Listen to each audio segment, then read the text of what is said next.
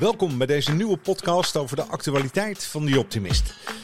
Het tijdschrift dat een positief geluid in de media brengt. Met de achtergronden, inzichten en wat ons is opgevallen in het nieuws.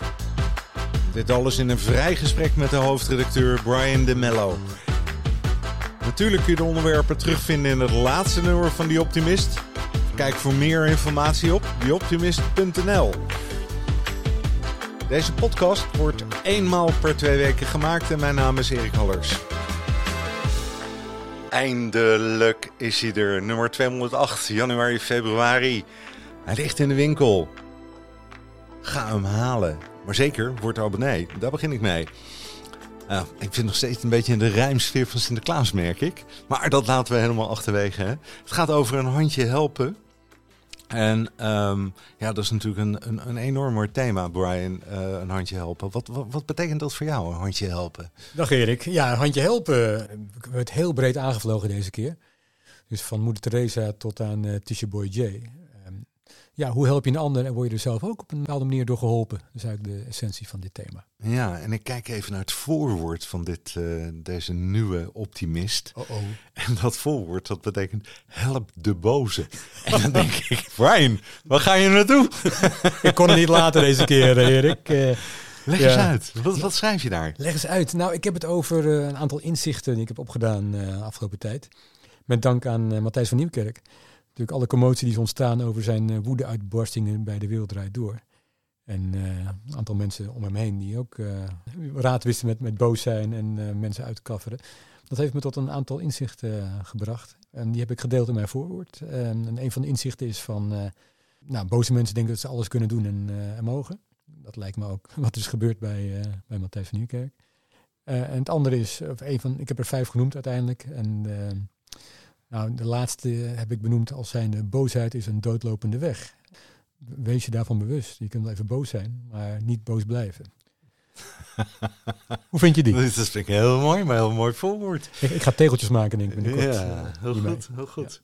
hey, als jij lacht, lach ik ook. Zeg ik. Hey, Jay Francis. Ik had nog nooit van die naam Jay Francis Serieus? 28 jaar. Ja. Het eerste artikel uh, wat beter bekend staat hij als Tisha Boy J. Hè, transformeerde in twee jaar tijd uh, van een internetlegende naar een stand-up comedian van formaat, zoals het genoemd door jou. Ja. Hij noemt zichzelf een medemens, neemt geen blad voor de mond en deelt graag zijn ambities te kijken uh, op het leven. En wat is zijn, zijn drijfveer? Wat is zijn ware drijfveer? Daar gaat het artikel over. Uh, thema een handje helpen. Gaat over vrijwilligers. En ik denk dan, oh, het is je boy Jay. Gaat hij ook vrijwilligerswerk doen? In het theater, ja. Ah, nou, nou hoe, hoe, werkt dat dan? hoe werkt dat? Nou, allereerst even dank aan mijn collega Denise Maasen. Die uh, stuurde op een dag een filmpje door wat uh, Tisha Boy J op LinkedIn had gepost. En in dat filmpje zag je hoe een jongetje van 15 een paar hele wijze woorden tot hem sprak en hoe hij daarop reageerde. Dat was eigenlijk voor ons de aanleiding om te zeggen oké, laten we hem eh, benaderen en kijken of hij in het blad uh, kan en wil. En dat wilde hij wel. En dan, hoe gaat dat dan? Dan, dan? dan zoek je hem op op internet en dan typ je in management en dan zo. hoe, hoe, hoe, gaat dit? Ja, dat uh, willen we natuurlijk allemaal weten. Ja, is het geen van de kok eigenlijk wat je nu vraagt. Ja. Maar goed, ik, ja. uh, ik zal een type van de sluier oplichten. Uh, meestal doen we het via via. Om, om, ja, we hebben natuurlijk een aardig netwerk van mensen op allerlei gebied. En als dat niet lukt, dan gaan we inderdaad al googlend verder, zoekend naar een contact, of een contactpersoon of een management of nou ja, noem maar op. En zo kwamen we terecht uh, ja, bij, zijn, uh, bij zijn management. En die heeft aan hem voorgelegd en hij was meteen enthousiast. Dus dat heeft geleid tot een gesprek bij ons op kantoor. Daar kwam hij aangeschokt, uh, heel relaxed. Terwijl hij ook heel erg opgevonden kan zijn, kan ik je vertellen. Ja, en, gewoon een leuke, leuke vent met een, met een goed verhaal.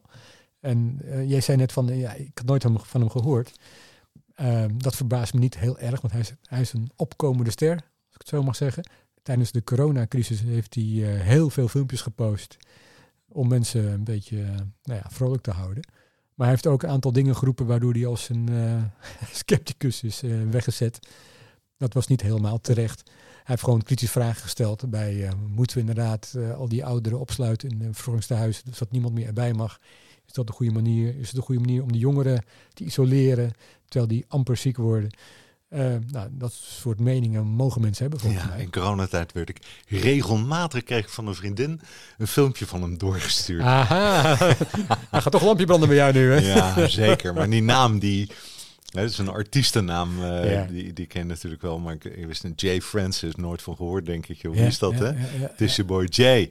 Hij schrijft onder andere op Twitter, we luisteren eerst naar de politiek en lachten om cabaretiers en nu luisteren we naar cabaretiers en lachen om de politiek. Kijk, dat zijn... Zo keihard de waarheid, toch? Even nog helemaal terug aan het begin, hè? Ja. Waar, waar moeten we deze, deze man van kennen? voor die tijd. Temptation Island zag ik voorbij komen. Temptation Island Vips 2018. Ja, klopt. Daar heeft hij aan meegedaan. Met zijn uh, geweldige lijf en zijn charme, zou ik maar zeggen. Ja, daar dus van. Ik heb zelf niet gekeken, moet ik bekennen, in die periode naar het programma. Ik ben niet zo'n fan van.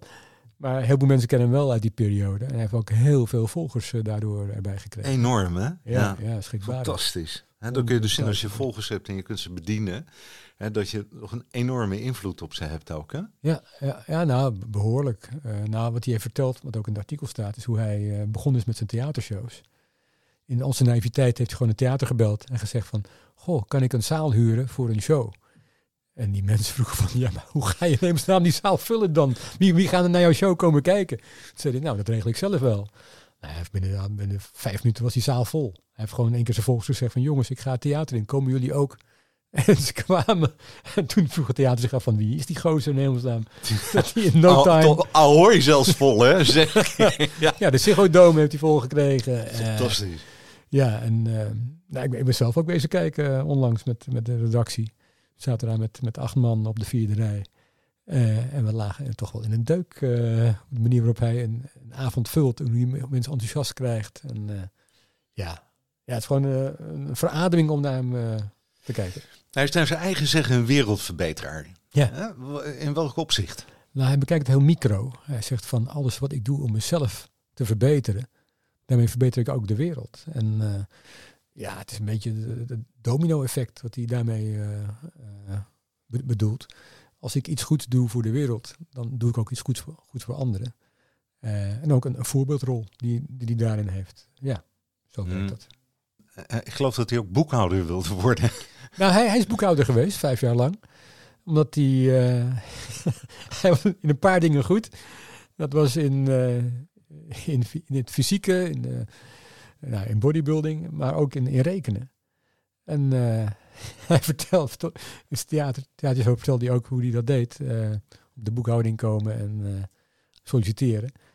Bij, bij een paar grijze mannen die het gesprek met hem deden. En die hem ook nog aannamen. En een van de opmerkingen die hij tijdens een gesprek kreeg, en het staat niet in het artikel, maar heeft hij wel verteld, is dat ze vroeg, ja, u bent wel bruin, hè? Nou, dat is toch een redelijk racistische opmerking tijdens zo'n statiegesprek. Ja, En toen zei hij, wat? Ben ik bruin? dat wist ik niet. Kortom, uh, nou, hij zegt, ik ben toch daar gaan werken. En toen bleek alles reuze mee te vallen. En de mensen ook die, die er werkt. Hij heeft met heel veel plezier daar gewerkt. Ja. Alleen, het ging wel een beetje vervelen op den duur. Dus toen is hij die filmpjes gaan maken. Als, uh, nou ja, als alternatief tijdverdrijf. Om een beetje vrolijk te, te worden. En die filmpjes die zijn totaal uit de hand gelopen. En daar is hij ook uh, beroemd mee geworden. Ja, je verwijst in het artikel ook naar debiteuren, crediteuren. En toevallig heb ik daar de laatste maanden naar gekeken. nee. Ja, joh, e- echt, je hebt van Jiske vet. Dat was natuurlijk helemaal fantastisch, jongen. Je ligt helemaal in een duik, hè. Van die... Je, heb je brood vandaag, uh, Erik? het is echt, ja, ik zie hem dan inderdaad ook zo... op de crediteurenafdeling. Ja, hij was hoofdcrediteuradministratie. Ja, nee, klopt. ja, ja. Hey, maar waarom is hij nou een wereldverbeteraar? Dat, dat blijft nog een, een hmm. vraag. Hè? Wat, wat, wat is dat? Wat, wat, wat is dan de definitie voor jou van een wereldverbeteraar? Je kan zeggen, ja, je begint bij jezelf, je doet allemaal kleine dingen, je, je bereikt dan wat. Hè? Maar nou. Brian, ben jij een wereldverbeteraar? Puur zang, nee, ik weet je toch. Nou, ik denk dat iedereen voor zichzelf moet invullen hoe die de wereld wil verbeteren. In het geval van uh, Tisha Boy J is het dat hij mensen vrolijk maakt. Uh, hij, hij zorgt gewoon dat er 400 mensen lachend de zaal uitgaan aan het eind van de avond. Uh, dat vind ik al een stukje wereldverbeteraar. Want daarmee heb je het humeur van heel veel mensen heb je al verbeterd. Precies. Um, ja. Ik doe het op een andere manier natuurlijk. Maar ja. En de laatste itempje wat je daar in dat artikel schrijft. Mhm. Dat heeft als thema het hoofdstukje brandstof. Oh ja. Buitengewoon interessant. Kun je vertellen wat, daar, wat hij daarmee bedoelt? Je hebt twee manieren om door het leven te gaan, zegt hij. Met excuses of met brandstof. Ja. Dat is wel een, uh, vond ik ook wel een mooie, ja. mooie tegeltjeswijsheid. Ehm, dus ook daar is de boodschap van uh, laat het je inspireren om goede dingen te doen, wat je, wat je overkomt, ook al zijn ze negatief. En ik zeg altijd, zegt hij dan, hè, ik ben licht en liefde, mhm. hè, uh, omdat ik van hel en de duisternis kom. Ja. Ik ren de andere kant op, ik wil er niet meer naartoe. En ik wil ook niet dat andere mensen daarheen gaan. Ja, ik heb, we hebben dat niet gedefinieerd in het artikel. Uh, maar het heeft hij wel verteld ook wat hem overkomen is op, op jonge leeftijd, uh. Zijn vader werd uh, neergestoken. nou ja, in ieder geval al, allerlei bizarre dingen die hij heeft meegemaakt in zijn jeugd. Ja, en hij heeft gezegd van ik, ik, wil, ik wil daar niet meer naartoe. Naar een soort donkere plekken in, in, in, in, mijn leven. Ja. Dus ik zorg voor de lach en voor het licht en de liefde. Laat mij daar verblijven. En dan neem ik, me, neem ik je graag mee naartoe. Ja, mooi. En heeft hij het verder over boegbeeld, coronaprotesten, geen dromen, korte geluksmomenten, inspirerende tatoeages. Kortom, een artikel om echt te gaan lezen in dit nummer van de Optimist. Een hele bijzondere man. Hè? Uh, ja. uh, je, artikel dat uh, geeft een enorm mooi overzicht over zijn leven en zijn filosofie en zijn, zijn denkwijze, de brandstof. mooie vent, mooie vent. Tot zover een thema een handje helpen. Het helpende platform. Een uh, artikel dat gaat over de nieuwe tijd die om drastisch uh, andere organisaties, samenlevingen vraagt. Heft in eigen handen nemen en uh, veel zaken zelf organiseren. Altijd in harmonie en verbinding natuurlijk met natuur en elkaar. En econoom Jeroen Doense laat zien wat dat in de praktijk betekent. Wat heeft hij opgezet? Brian? Nou, hij is een van de mensen achter uh, het platform Common Easy. En Common Easy helpt uh, ondernemers om elkaar te helpen. Dat is eigenlijk de, ook de essentie van dit uh, stuk. je kent misschien het begrip broodfonds. Dat ondernemers ja. ergens geld in stoppen om ondernemers in dezelfde kring te helpen als die ziek worden of arbeidsongeschikt raken. Daar lijkt Common Easy een beetje op, maar dit is eigenlijk broodfonds 2.0. Gaat net even iets verder met het regelen van dingen en met uh, de vangnetconstructie die ze hebben bedacht. Daarover lees je meer in het artikel. Ja. Um, maar goed, het is een... Uh, ze hebben dus een platform? Ja, een platform wat gebaseerd is op vertrouwen. Uh, je kunt meedoen. het is een beperkte kring telkens van, van common easy platformpjes binnen het grote platform. Waarbij je elkaar ondersteunt. En je bouwt je eigen netwerk op binnen het platform. Dus niet alleen de mensen in de kring, die help je. Maar ook de vrienden van de vrienden van de vrienden binnen dat uh, kringetje. Ja. Dat is het uh, unieke van de communisme. Ja, wat, wat betekent dat het schaalbaar is? Hoe, hoe bedoel je? Dat nou, vertrouwen schaalbaar gemaakt, uh, schrijf je. Ja, ook, nou, daarmee bedoel ik ook inderdaad die vrienden van de vrienden van de vrienden.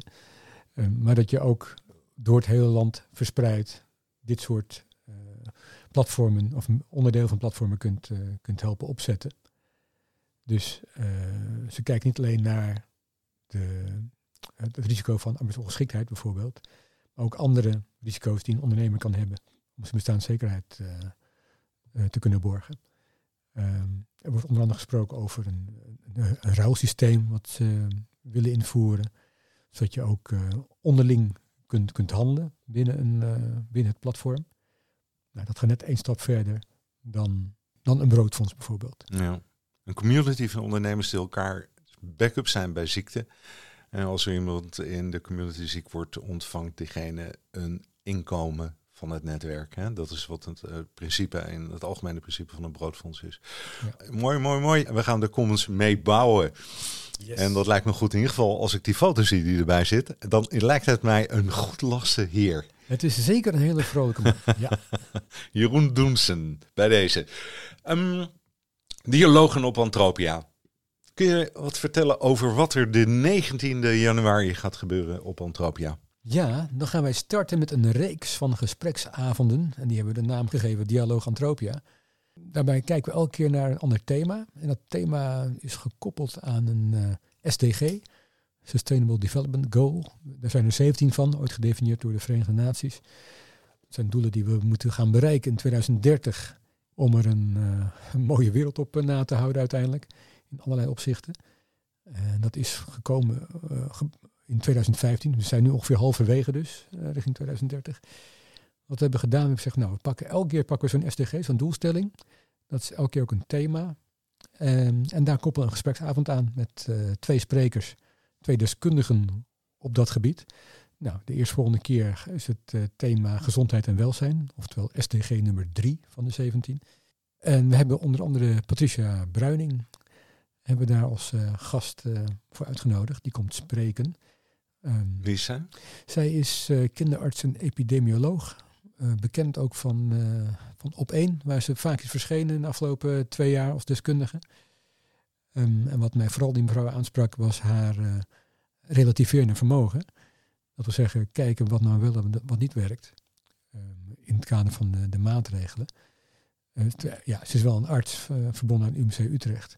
Maar ook wel iemand die gewoon met, met oog voor de menselijke maat kijkt naar wat er plaatsvindt in de maatschappij. En vooral, ze is een wetenschapper die vooruit kijkt.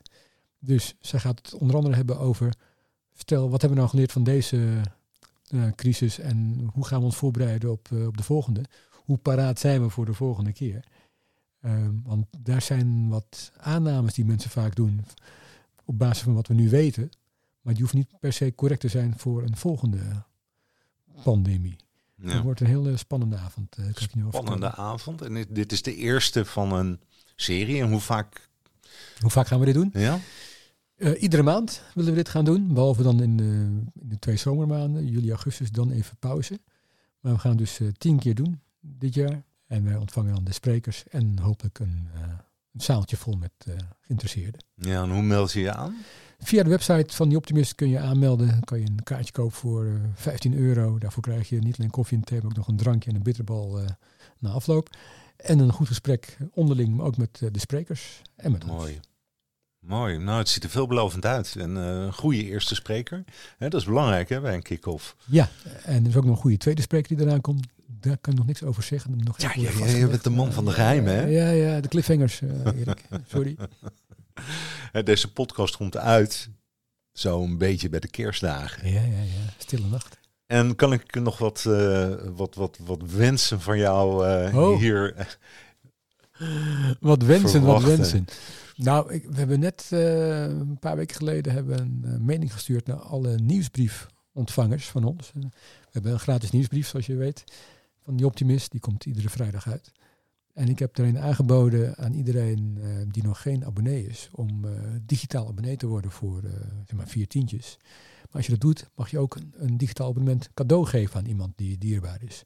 Dus als je nog op zoek bent naar een kerstcadeau of iets anders om iemand blij te maken, ik zou zeggen, ehm, geef dat digitaal abonnement cadeau aan iemand als je het zelf ook wordt. En voor de mensen die al abonnee zijn, die mogen dat ook doen. Die mogen ook een digitaal abonnement uh, cadeau. Nou, leuk initiatief. Ja. Maar Brian, nu de vraag wat jij persoonlijk... Persoonlijk? Och. Aan fijne wensen hebt voor volgend jaar. En die je wilt delen met luisteraars. Oeh, wordt wel heel persoonlijk, Erik. Nou, ik denk aan een lief huisdier. Ja? jij, jij hebt zo'n lieve hond, Erik. Weet ik toevallig. Daar hebben we het wel eens over. Ja. Maar ik ben hier nu bij hè, en ik zie hem liggen. Ik denk, of zie haar liggen, moet ik zeggen. Hè? Ja, schat hè? Wat een schat is het toch. Schat jongen, ben tweeënhalve maand uh, mee rondgetrokken. Jee, nou, ze wijkt niet meer van je zijde, kan ik je vertellen. Dus je Helemaal buddy, mooi. Je buddy. Ja, trouw, trouw tot in de dood. Hey, um, dat vind ik ook. Ik vind jullie ook allemaal uh, hele mooie feestdagen wensen en um, heel veel optimisme. En uh, misschien ook wel een mooie start als ik kijk naar dat laatste nummer. En ik lees zo: Mensen willen van nature de ander helpen. Onderzoek toont niet voor niets aan dat je gelukkiger wordt als je iemand helpt. In die zin is iemand helpen niet alleen een wereldverbeterende daad, maar ook een prettig moment van karma. Al dus in de laatste optimist staat geschreven. En dat zou ik graag iedereen willen toewensen. Ik. Uh, we zijn aan het einde gekomen van deze podcast. Yes. Nou. Komt er uh, in als een dolle. En we gaan keihard eruit, zeg ik ook. En wees lief voor elkaar. en wees lief voor elkaar. Brian, enorm bedankt. Heel veel succes volgend jaar. En uh, voor iedereen uh, een veilig uiteinde. Dankjewel.